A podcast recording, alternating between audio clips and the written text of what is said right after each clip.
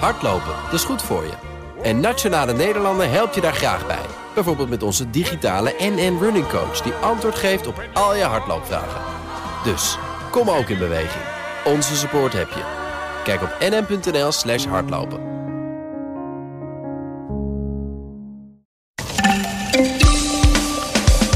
Het gaat niet goed met veel middelbare scholieren. Ze zijn onrustiger, brutaler en ze scoren ook slechter bij toetsen. Duitsland heeft een nieuwe regering. Onze correspondent ziet drie partijen die verliefd om elkaar heen dartelen. En het Van Gogh Museum slaat een nieuwe koers in. Met veel minder aandacht voor de commercie en veel meer voor de kunst. Dit is Nieuwsroom, de dagelijkse podcast van het Financiële Dagblad en BNR Nieuwsradio. Met het nieuws verteld door de journalisten zelf. Ik ben Mark Beekhuis en het is vandaag donderdag 25 november. Hallo, Meerte Westrik. Hallo. Van BNR. We gaan het hebben over uh, een van de effecten van corona. Die is wel heel vaak voorspeld. Namelijk op scholen, de leerlingen die hebben last van de corona. En vandaag, jij bent erin gedoken, hebt uh, je oor te luisteren gelegd overal. Het pakt ook echt slecht uit, hè? Ja, ja, en ze zien dat dus nu wel echt terug, zeg maar. Want normaal gesproken, na bijvoorbeeld een lange schoolvakantie, uh, dan is ook wel te merken dat kinderen bijvoorbeeld onrustiger zijn. Of dat ze weer even moeten wennen aan, uh, aan in het schoolritme komen. Uh, maar nu heb ik een aantal mensen gesproken, waaronder ook twee organisaties, de VO-raad en CNV Onderwijs.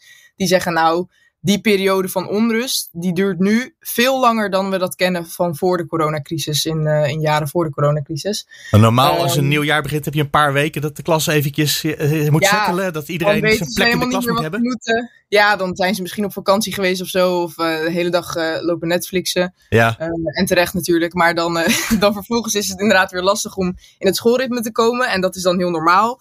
Um, maar nu merken ze dus wel echt dat die onrust gewoon al veel langer aanhoudt. En dat, dat scholieren nog steeds heel lastig in dat ritme te krijgen zijn, onrustiger zijn. Ook meer opstootjes overigens heb ik teruggehoord. Aha. En dat ze dus ook echt moeite hebben met, nou ja, de, de fatsoensnormen van school weer, uh, nou ja, tot zich nemen, zeg maar. Uh, en, uh, en weer goed kunnen leren. Want wat voor soort dingen bedoel je dan? Fatsoensnormen? Dat klinkt... Nou ja, nou ja, bijvoorbeeld um, Danielle Woestenberg, dat is de voorzitter van CNV Onderwijs, die noemde het voorbeeld dat scholieren soms niet meer snappen, oh, maar hoezo uh, kan ik niet gewoon even uh, het lokaal uitlopen en even met mijn vader bellen tussendoor? Of uh, hoezo, hoezo mag ik nou niet eten? Want ja, als ze thuisonderwijs hadden, dan, dan kon je natuurlijk makkelijk thuis even in je bed, de camera uit, eventjes een zak chips naar achter gooien. Mm -hmm. um, dus je zegt het alsof je dit zelf ook gedaan hebt. Um, hier doe ik geen uitspraken over. Nee, heel maar, goed, heel goed. Ja. Ik begrijp het wel heel goed. Ja, ik begrijp het ook. En dit komt ook van heel dichtbij, hè? Uh, dat je dit onderwerp op het spoor ja. kwam. Ja, dat is eigenlijk heel grappig. Mijn moeder die, um, die werkt op een school, die is uh, conciërge. En die vertelde van, nou ja, ik merk echt... Hoezo zijn die kinderen nou zo onrustig en blijft het nou zo lang aan de gang? Want zij moet echt, heeft echt soms een beetje het gevoel dat ze uh, echt een beetje politieagent moet spelen. Of constant in discussie moet van nee, je gaat niet op de tafel zitten. Uh, doe nou even rustig in de gang, weet je wel. Terwijl normaal is ze helemaal niet zo uh, politieagent aan het spelen. Toen dacht ik, hé, hey, maar jij merkt dat dit echt veel sterker lijkt te zijn dan in jaren hiervoor. Dus toen was ik eigenlijk wel benieuwd, is dat iets wat alleen mijn moeder werkt? Doet zij iets fout op school of, of is, dat, is dat breder? En nou ja, CNV en VO-raad herkennen het dus ook. Um, dus ja, dat is dan wel heel leuk dat daar dan een verhaal uitkomt. En uh, nou ja, dat is leuk voor jou. Maar voor die kinderen is het natuurlijk eigenlijk niet zo leuk. Want ik denk, als die onrust in de klas is, dan kan je ook niet uh, goed leren. Nee, nee, dat klopt dus ook wel echt. Ja, het is ook terug te zien in, uh, in de schoolresultaten. Jan-Paul Beekman, die is rector op het Spinoza Lyceum, heb ik ook gesproken. En die zei, ja, we zien ook wel echt dat nu die eerste toetsweek... Um, dat die ook wel echt slechter wordt gemaakt dan in jaren voor de coronacrisis. Dat kunnen ze natuurlijk gewoon, dan is het gewoon cijfertjes vergelijken. En dan ja. heb je het wel duidelijk op papier staan van hé, hey, er gaat hier wel iets minder goed. Um, dus ja, dat lijkt me ook vervelend inderdaad voor uh, helemaal richting de eindexamens. Uh, plus, wat ik ook terug hoorde, is dat docenten dus nu heel vaak in discussies zijn, wat natuurlijk heel veel onrust veroorzaakt, maar dat ze daardoor ook ja, minder de stof kunnen uitleggen, want daar is dan minder tijd voor. Ja. Dus ja, je gaat toch wel weer extra achterlopen op, uh, op de leerstof, denk ik ook. Ja. Ja, want als je de stelling van Pythagoras eigenlijk had moeten uitleggen en je bent in plaats daarvan aan het uitleggen dat je niet op de tafel moet zitten.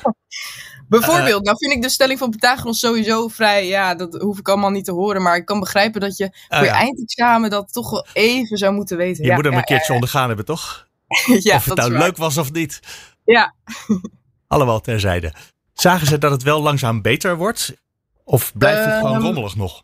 Nou, ik begreep daar dus wel echt uit dat het gewoon nu dus echt rommelig blijft. Terwijl ze inderdaad wel gehoopt hadden van hé, hey, de scholen zijn weer open, dus nu kunnen we weer aan de slag.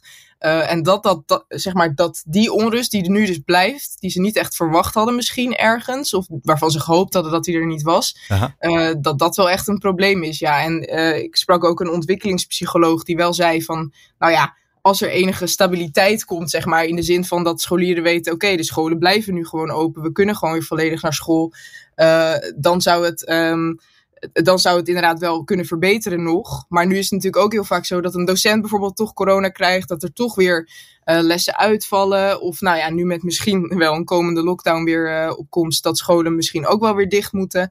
Dus die onzekerheid blijft er de hele tijd in. En dat is, uh, zei die ontwikkelingspsycholoog ook, ja, dat is niet heel goed. Um, ook niet goed voor die docenten, denk ik. Nee. Die inderdaad teleurgesteld zijn in dat het minder leuk is dan ze hadden gehoopt. Terug naar ja. school. Ja, ja, die werkdruk voor docenten die loopt natuurlijk ook alleen maar op. Ook doordat ze dus inderdaad meer tijd besteden aan die, nou ja, bijzaken natuurlijk ook belangrijke dingen, maar inderdaad ja, in discussie Opvoeding is ook nuttig. ja, nou ja, en, maar dus minder toekomen inderdaad aan lesgeven en dan af en toe uitval en dan misschien nu weer uh, opkomst dat die scholen weer dicht gaan. Dus nee, ja, voor docenten is het inderdaad ook niet, uh, kan ik me voorstellen, ook niet heel leuk. Nee. Nee, had ik in plaats van de stelling van Pythagoras Franse woordjes stampen uh, of Duitse naamvallen moeten zeggen? Duitse naamvallen, die kan ik misschien nog opdreunen. Maar ja, ik misschien niet wel. proberen. nee, laten we dat niet doen. Merte Westrik, dankjewel. Graag gedaan. Ja, nou, dus, we gaan uh, het maar gewoon toch uh, doen. Ja, denk ik. Ja, let's go. Als we onze opname starten, zeg ik eerst maar even: Dirk Marseille, jij bent uh, naar een andere kamer uitgeweken omdat er een verbouwing gaande is. Bij mij, een paar huizen verderop, wordt er een nieuwe verdieping op het huis gebouwd. Uh, dus je hoort nu uh, mensen sporen op de achtergrond. Maar ja, het is nou eenmaal even niet anders met het thuiswerken. Dat gebeurt af en toe. Uh, eerst ging het dak eraf en daarna ging het dak er weer op. wij gaan het hebben, Dirk Marseille, over de Duitse verkiezingen. De Duitse nieuwe regering, moet ik eigenlijk zeggen. Die er nu is. klein puntje op de i nog. De partijen moeten nog ja zeggen, toch? Klopt, uh, maar dat is niet meer dan een puntje op de i. Er wordt wel verwacht dat er bij de partijcongressen uh, uh, amendementen worden ingediend. maar dat de algemene steun grotendeels voor dit coalitieakkoord zal zijn. En daarmee dan ook bekrachtigd zal worden. Dan kan de nieuwe Duitse Bundestag uh, aan de slag. Eerste daad is dan het benoemen van Olaf Scholz als nieuwe bondskanselier. en daarna zal Olaf Scholz dan zijn Duitse kabinet uh, installeren. Waarbij uh, meteen al opvalt dat de post financiën aan de kleinste partij is gegaan, namelijk de liberale FDP. maar dat de Groenen daarvoor wel een superministerie hebben teruggekregen, namelijk dat van economie en klimaat. Dus wat dat betreft, ja, daar, daar moeten alle partijen dan tevreden mee zijn. Wat wil deze regering? Wat zijn ze met elkaar eens wat er nu belangrijk is voor Duitsland? Nou, waar ze vooral met elkaar over eens zijn, is dat, ze, uh, de, dat het na 16 jaar Merkel echt tijd werd om CDU, CSU niet meer uh, in de regering uh, te hebben. Dat het tijd is voor een frisse wind. en je kunt dit gerust een gelegenheidscoalitie noemen van de drie partijen die er dan met elkaar moesten uitkomen. Inhoudelijke verschillen heel groot. FDP, liberalen heel erg gericht op het individu, op de vrije marktwerking. Uh, uh, vaak ook uh, een heel goed oor voor wat er binnen grote bedrijven leeft. dan aan de andere kant de Groenen, die vanuit de anti-kernenergiebeweging in de jaren zeventig zichzelf nu tot regeringspartij hebben opgewerkt, maar daarbij hun groene roots niet kunnen uh, verwaarlozen. En dus uh, willen ook dat de groene uh, industrie nu op gang gaat komen. Met stoppen met kolenenergie. Het liefst ook stoppen met gas. Alles op duurzame energie. Nou, daar moet ook infrastructuur worden, voor worden aangelegd. En dan de SPD met ja, de bondskanselier. Met natuurlijk het gezicht. Um, die ook de minimumloon tot 12 euro bijvoorbeeld gaat, gaat, op, gaat ophogen. En zichzelf in het midden van het politieke spectrum nu zet met de FDP en de Groenen aan beide, aan beide zijden. Tegelijkertijd dus ja, vooral ge, gedreven en gebonden door één ding, namelijk uh, de komende vier jaar in elk geval geen christendemocraten meer in de Duitse regering. Eigenlijk klinkt het dat ze het erg eens zijn over wat ze niet willen. Betekent dat dat dit stabiel is? Deze regering? Eh, of, of eh, dreigen er meteen allemaal problemen? Nee, er dreigen op dit moment nog geen eh, problemen. Dat komt door corona. dit is een soort van noodtoestand waardoor ook allerlei begrotingsregels nu op dit moment niet van toepassing zijn. En er dus allerlei wilde plannen ook gemaakt kunnen worden met budgetten daaraan gehangen waar alle deze drie partijen het wel over eens kunnen, kunnen worden. De FDP die zegt bijvoorbeeld, ja de Groenen wilden een 500 miljard fonds voor allerlei groene investeringen. Nou dat hebben we in elk geval tegengehouden. Maar natuurlijk worden er dan wel een paar miljard gestoken in bijvoorbeeld uh, groene waterstof. Daar kunnen wij het dan ook wel mee eens zijn. Waar ook overigens voor Nederland nog een grote rol uh, ligt, omdat daar uh, veel infrastructuur is waar, via wie dat, dat groene waterstof zou kunnen, zou kunnen lopen. En het betekent dat, dat, dat uiteindelijk men zegt. Um, we gaan heel veel plannen maken. Het is nu corona, dat kan allemaal. Maar, eh, en dat gaat later nog wel komen. Ik schat over een jaar of anderhalf, twee. Dat dan opeens, eh, hopelijk post-corona, de normale begrotingsregels weer gaan gelden. Ja, en dan is natuurlijk wel de grote vraag: waar komt dat geld nu voor al die ambitie vandaan? En dat hoor je nu ook al wel um, binnen de partijen. Dat men zich wel afvraagt: ja, uiteindelijk in het omzetten ervan moet er geld zijn, moet er een wettelijke basis zijn. Uh, en ja, dat staat allemaal nog niet in dit regeerakkoord. We zijn nu nog in een soort van begin, een soort van eerste uh, verliefdheidsfase, in een soort van dromenland. Um, en door corona gaat het ook nog wel een tijdje zo door, want er moet gewoon daarop geacteerd worden. Maar uh, het is nog lang niet uitgekristalliseerd hoe de Duitse regering al deze ambities ook gaat betalen binnen ook de schuldengrenzen die ze zichzelf hebben opgelegd. Ja, je gebruikt een interessant woord, uh, verliefdheidsfase. Zagen ze er een beetje verliefd uit? Of is het toch vooral een zakelijke bijeenkomst? Nee, nee, ze zijn ontzettend dol op elkaar in deze fase. Uh, als je gisteren ook naar de presentatie hebt gekeken, hè, dan de foto's buiten op de kade op een industrieterrein. Uh, het moest vooral eendracht uh, en, en ja, een dolgeluk uit, uitstralen. Ze zijn ook allemaal dus echt heel blij dat ze het nu zonder de christendemocraten kunnen doen. Uh, hebben daar uh, hebben allemaal ook compromissen zijn ze ook aangegaan. Um, uh, en, en, ja, en, en, en kunnen nu in elk geval de komende vier jaar gaan regeren. Dat is voor de FDP eventjes geleden. Dat is voor de Groenen echt uniek hè, op, op landelijk niveau. Nou, de SPD kan zonder de Christen-Democraten zich als middenpartij presenteren. Genoeg reden voor alle drie de, de, de partners om vlinders in hun buik te hebben. Wat gaan wij in Nederland hiervan merken? Iets of niets misschien? Nee, het wordt heel hard werken voor Nederland om hier echt wat van te gaan merken. En daar bedoel ik mee dat in het uiteindelijk uitvoeren van de plannen, bijvoorbeeld op Europees uh, niveau, in uh, de, zowel de financieel-economische samenwerking als uh, de, ja, de economische ontwikkeling van, van deze Duitse regering, wil het echt op lokaal en regionaal niveau echt moet gaan gebeuren. Met ook steun van de deelstaten. En dat is allemaal lang niet vanzelfsprekend. Dat is ook een heel gefragmenteerd beeld zijn van wat die lokale regeringen en deelstaten uiteindelijk ook allemaal willen gaan, gaan doen. Berlijn zegt deze regering eigenlijk bijvoorbeeld al, is natuurlijk ook niet alles bepalend. Nou ja, dat geeft al wel weer dat uh, je dus niet naar één regering moet gaan kijken, maar eigenlijk naar 16 regeringen, namelijk die van de deelstaten, om uiteindelijk uit te vogelen wat er echt gaat, uh, wat er echt gaat gebeuren. Er wordt veel gesproken over innovatieclusters, nou, door de overheid geleide investeringsteams. Uh, maar dat kan dus allemaal heel erg van de lokale omstandigheden afhangen wat daarin gaat, gaat gebeuren. En dat zal voor Nederland, denk ik, uh, betekenen dat ja, niet alleen Berlijn in de gaten moet worden gehouden, maar ook vier, vijf andere grote steden, München, Düsseldorf, Hamburg, uh, Stuttgart, Frankfurt, waar ook een heleboel gaat, uh, gaat gebeuren. En tegenstanders, criticassers van dit kabinet zeggen nu al van ja, ze gaan moeilijke beslissingen uit de weg, ze laten het aan de deelstaten over. Um, en als je een beetje kijkt naar wat er tot nu toe is opgeschreven, kan ik me daar wel iets bij voorstellen. En dat zal dus ook voor Nederland betekenen dat ze daarin in zullen moeten investeren. Is het misschien een beetje meer naar binnen gekeerd, als je het zo beschrijft? Nou, in die eerste fase ben je natuurlijk ook altijd allemaal heel lief en voorzichtig met elkaar. Uh, ja. dan, wil je, dan wil je nog niet meteen conflict opzoeken, want misschien is er ook wel in de, hè, voordat je uiteindelijk je relatie openbaar maakt, is er ook wel het een en ander gebeurd. Al wat conflicten, hè, de nieren zijn al wel wat geproefd. En als je die metafoor wil blijven, dan kun je je voorstellen dat dat soort dingen nu nog niet aan de oppervlakte komen. Maar um, als je het akkoord gewoon ook leest, dan valt op dat op de conflict, uh, potentiële conflictpunten uh, er zulk omvloers taalgebruik is uh, gebruikt dat, dat je daar ook wel weet van oké, okay, in de praktijk blijkt dan pas echt wat het waard is. Ja, die conflicten die komen nog wel een keertje.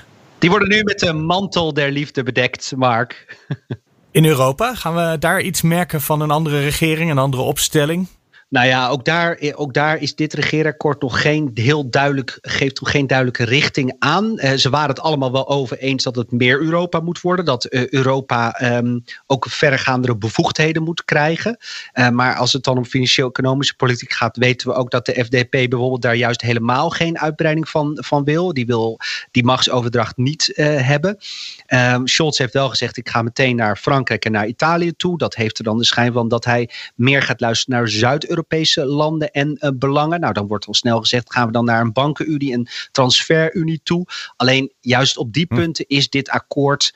daar zit voor iedereen wat in en zal uiteindelijk concreet moeten betekenen wat wordt er dan voorgesteld. Een voorstel zou kunnen zijn om vetorecht in de Raad van Ministers af te schaffen. Een voorstel zou kunnen zijn om het tijdelijke uh, uh, corona-reddingsfonds uh, in het ESM permanent te maken. Dus dan schep je ook extra geld. Um, maar ja, dat staat hier allemaal niet in. Nou, dat zijn toch wel hele heftige dingen die je beschrijft voor Nederlanders. Ja, maar het Duitse kabinet heeft hier dus ook nog geen positie op ingenomen. Eigenlijk beschrijf je bij, bij de alle vragen die ik stel, nou weten we nog niet precies. Terwijl ze hebben er 177 pagina's over volgeschreven. Wat staat daarin? ja, dat is de kunst van de politiek natuurlijk. Hè? En van die 22 werkgroepen. Om het concreet genoeg op te schrijven dat je wel een soort van richting hebt. Maar niet concreet genoeg om uiteindelijk al uh, in, in, een paar, in een paar weken al tot grote conflicten te komen. Um, en het hangt gewoon ook allemaal samen met corona uiteindelijk. Dat moet je echt zeggen. Ja, deze regering zal nu ook een coronapolitiek moeten gaan uitvogelen. Die voor iedereen acceptabel is. Uh, en ja, dat, dat, dat heeft op dit moment gewoon de aandacht. Ja. En, uh, Want dat ehm, gaat bij jullie op het ogenblik ook heel erg gemissen, net als bij ons. Ja, ook al wel langer. En de vaccinatieplicht wordt steeds vaker genoemd als een serieuze optie. Um, uh, lockdowns nog niet zozeer, uh, maar wel steeds verder beperkende maatregelen. 2G plus, hè, dus uh, getest of, sorry, genezen of um, gevaccineerd. gevaccineerd. En dan nog een, een, een, een actuele test. Dus een, dat je nog eventjes op dat moment hebt getest op, op, op corona.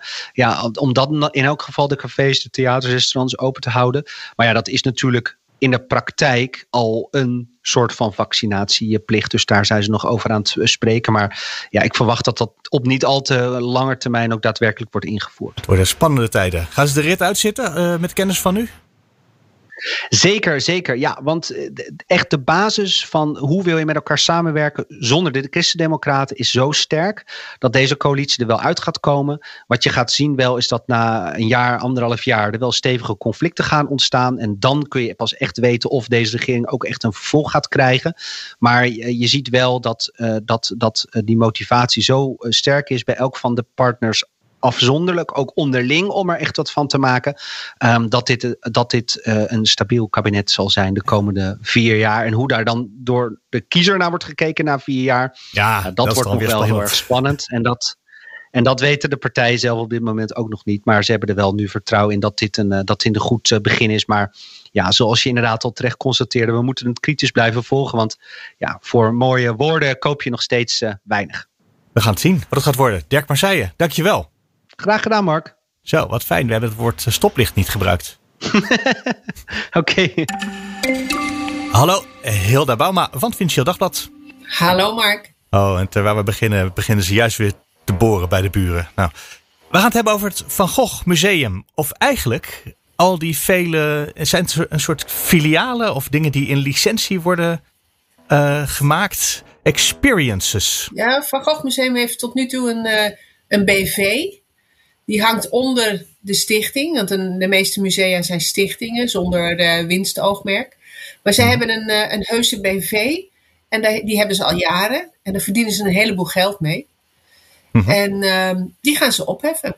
Klinkt uh, als een interessante keuze, want de meeste musea zouden denk ik een moord ervoor doen om zo'n commercieel aantrekkelijk bedrijf te zijn als zij, toch? ja, al die inkomsten die binnenkomen, geen subsidies die je nodig hebt, die je altijd maar weer kwijt kan raken bij de volgende regering? Ja, tot nu toe is het Van Gogh Museum het museum in Nederland wat het meeste verdienen kan met zijn uh, merchandise, met zijn spullen. Uh, maar ook met uh, een experience die ze hebben ontwikkeld. Een, uh, een, een, interactieve tentoonstelling die ze laten reizen. Ja, er is geen enkel ander museum in Nederland dat dat, dat kan. Want ja, dat heeft alles te maken natuurlijk met de beroemdheid van Vincent van Gogh. Zij zijn echt de enigen die dat kunnen. Zij zijn de enigen die, die zoveel kunnen verdienen en zo relatief zo weinig subsidie nodig hebben. Tot nu toe. Ja, want als je in een normaal jaar over straat loopt in Amsterdam, je hebt met corona wat minder toeristen, maar je, als je een tram instapt, zijn er een paar mensen met zo'n driehoekig buisje waar posters in zitten. Ja. Uh, dus het gaat om heel veel geld. Maar dan zeg jij die BV, daar willen ze vanaf. Ja, het is, uh, ik denk dat het uh, ook komt door corona. Maar het, het, was al eerder was het een probleem. Want eigenlijk laat ik het zo zeggen, de komst van de nieuwe directeur, Emily Gordenker, uh, die heeft ervoor gezorgd dat het museum zich uh, is gaan bezinnen op zijn rol. Mhm. En jij zegt van uh, de rest van de museumwereld is jaloers op het, museum, op, op het Van Gogh Museum dat ze zoveel kunnen verdienen. En dat is wel zo, maar ze vonden het ook eigenlijk niet chic. de rest, ik heb bijvoorbeeld met Charles X gesproken en die zegt van nou, ik, ben blij dat Emily Gordenker, de nieuwe directeur, eens wat gaat doen aan die commerciële tak. Want dat, uh, dat liep echt flink de hand, uit de hand. Dus de rest van de museumwereld die is misschien wel jaloers, maar vindt het eigenlijk ook niet deugen. Want wat is het bezwaar dan als je het, als je het gelden maakt dat mensen dat gewoon. Iedereen wil die schilderijen zien. Top. wat is dan het erg dat mensen posters kopen? Of nou zo'n experience willen? Um, er zijn twee dingen aan de hand. Ten eerste is het, uh, is het museum eigenlijk uh, tegen zijn grenzen aangelopen. Ze willen eigenlijk helemaal niet meer terug naar 2,2 miljoen bezoekers per jaar. Ehm, ze willen zich meer als een museum gaan gedragen en minder als een bedrijf. Maar Gordenker is ook echt wel van de school dat een museum, en zeker een museum van Van Gogh, een, een instituut is wat, wat meer naar, kunst, naar de kunst moet kijken dan naar uh, ja, de commercie. Zij wil het, de commercie verminderen ten, en, ten gunste van, van de kunst. Ze waren afgedreven naar iets te veel entertainment. Ja, tenminste, ze zegt dat ze zelf uh, er geen bezwaar tegen heeft, tegen al die uh, experiences. Dat ze, maar ik heb wel van anderen gehoord dat uh, ze daar eigenlijk ook niks in ziet. En toch, ze zei misschien niet maar er is wel duidelijk een markt voor. Want het artikel wat je vandaag gemaakt hebt, dat uh, beschrijft hoeveel immersive experiences voor Van Gogh, want de meeste staan in Amerika, uh, er zijn. Ja, dat is dat grappig. Want, want te, tegelijkertijd, dus het museum wilde eigenlijk een beetje vanaf. Die, die vindt het niet chic genoeg. Dat vindt het niet chic genoeg. Maar tegelijkertijd is er een enorme hype ontstaan in Amerika. Er staan de mensen echt in rotten van, van drie voor de deur. Voor, er zijn veertig van die tentoonstellingen in Amerika op dit moment. En uh, daar, gaan duizenden mensen heen, vooral om ja, ondergedompeld te worden in het, uh, in het werk van Van Gogh, maar ook vooral om selfies te maken. Dat is, dat is dus een heel, heel erg tegenstrijdige ontwikkeling. Ja, uh, want eh, kan je een beetje beschrijven? Heb je wel eens gedaan? Ik begrijp dat je in Parijs zo'n ding in kan, in Madrid. Dus je hoeft niet per se naar de VS. Nee, er zijn er ook een paar in. Uh, er zijn er bijvoorbeeld twee in Londen op dit moment. En er zijn er ook wel een paar andere in, in Europa te zien. Maar de meeste staan wel in, in Amerika. het is een hype geworden dankzij de Netflix-serie Emily in Paris. Waarin Emily met haar geliefde en dienstvriendin naar zo'n uh, experience gaat. En dan helemaal, oh wat mooi. Nou, dat is dus een hype geworden in Amerika. Daardoor zijn al die verschillende experiences ontstaan. En het, ja, het is een hele industrie. Maar hoe ziet het eruit? niet alle experiences zijn hetzelfde, maar de meeste hebben wel dat je er echt in bent. Dat je om, dat Van Gogh's schilderijen helemaal om je heen zijn. En dat je echt, uh, ja, echt van die selfie-festijnen. Een 3D-bril op of zoiets. Ja, van virtual reality. Precies, je, je, hebt er, je hebt van allerlei soorten, maar meestal loop je ergens doorheen en word je omringd door het werk uh, van Vincent van Gogh. Ja, maar niet eens het werk van Van Gogh zelf, want iemand is ermee aan de slag gegaan om van een plat plaatje een kamer in te richten. En dat is dus ook een beetje het dilemma van het museum. Want aan de ene kant willen ze dus uh, het kenniscentrum zijn over Van Gogh. En uh, willen zij een soort voorbeeldfunctie hebben over wat, wat je nog wel met Van Gogh kan doen en wat eigenlijk niet meer uh, kan.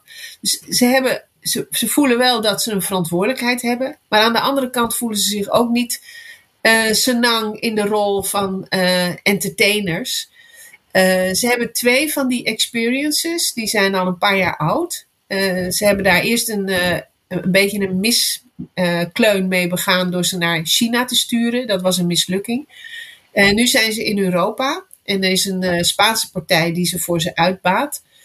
Um, dit is een wat chicere versie van zo'n experience. Die heeft ook een prijs gewonnen. De, de Oscar van de evenementenindustrie. Dus ja. Aan de ene kant vinden ze dat ze, dat, uh, dat ze de verantwoordelijkheid hebben om het te, te, laten zien hoe het wel moet. Maar aan de andere kant heb ik, heb ik ook sterk het idee dat ze zich er een beetje voor schamen. En dat is nieuw, want tot voor kort met de vorige directeur was dat gewoon eigenlijk ja. lekker doen. Ja, maar het, is, het, het heeft niet alleen met de komst van Gordenken te maken. Het heeft ook met een uh, verandering te maken in de hele museumwereld. Waarin uh, door corona wordt nagedacht over hoe je minder mensen naar het museum kunt lokken. En hoe je ook op een andere manier contact kunt houden met je, met je achterban. Maar ja, ook dat is weer een, een beetje tegenstrijdig. Want zo'n experience is nou juist opgezet bij het Van Gogh Museum om de klanten te bedienen die niet naar Amsterdam konden komen. Dus ja, ze, ze zitten daar nogal mee te worstelen. Even goed, je beschrijft wel heel mooi dat het museum als organisatie, als bedrijf, een draai aan het maken is richting meer de kunst richting meer uh, educatie misschien ook, kenniscentrum. En uh, nou ja, voorlopig gaan er in een paar weken tienduizenden mensen naar zo'n experience als je merkt ja, opent. Dus we zijn er nog niet vanaf. Nee, hij is net weer open in Madrid en uh, eh, 60.000 mensen zijn er al heen geweest. Dus ze verdienen er nog steeds heel goed aan. Nou ja, dat is ook eigenlijk wel weer goed. Als dat geld dan terechtkomt bij het kenniscentrum. Ja, ja. Hilde Bauma, dankjewel. Dankjewel, Mark. Dat was hem. Ik hoop dat je het boren bij de buren niet al te erg vond. Ze zijn echt al dagen bezig en dit was de eerste dag dat ze ineens heel veel lawaai bleken te maken. Morgen komen we vast vanuit de studio, dus dan hebben we daar in elk geval geen last van. Tot die tijd kan je natuurlijk mailen naar nieuwsroom.fd.nl of nieuwsroom.bnr.nl. En de show notes, die staan per traditie op bnr.nl slash nieuwsroom. Tot morgen. En dan hebben we natuurlijk Nieuwsroom Den Haag? Over een zeer interessante week in Den Haag.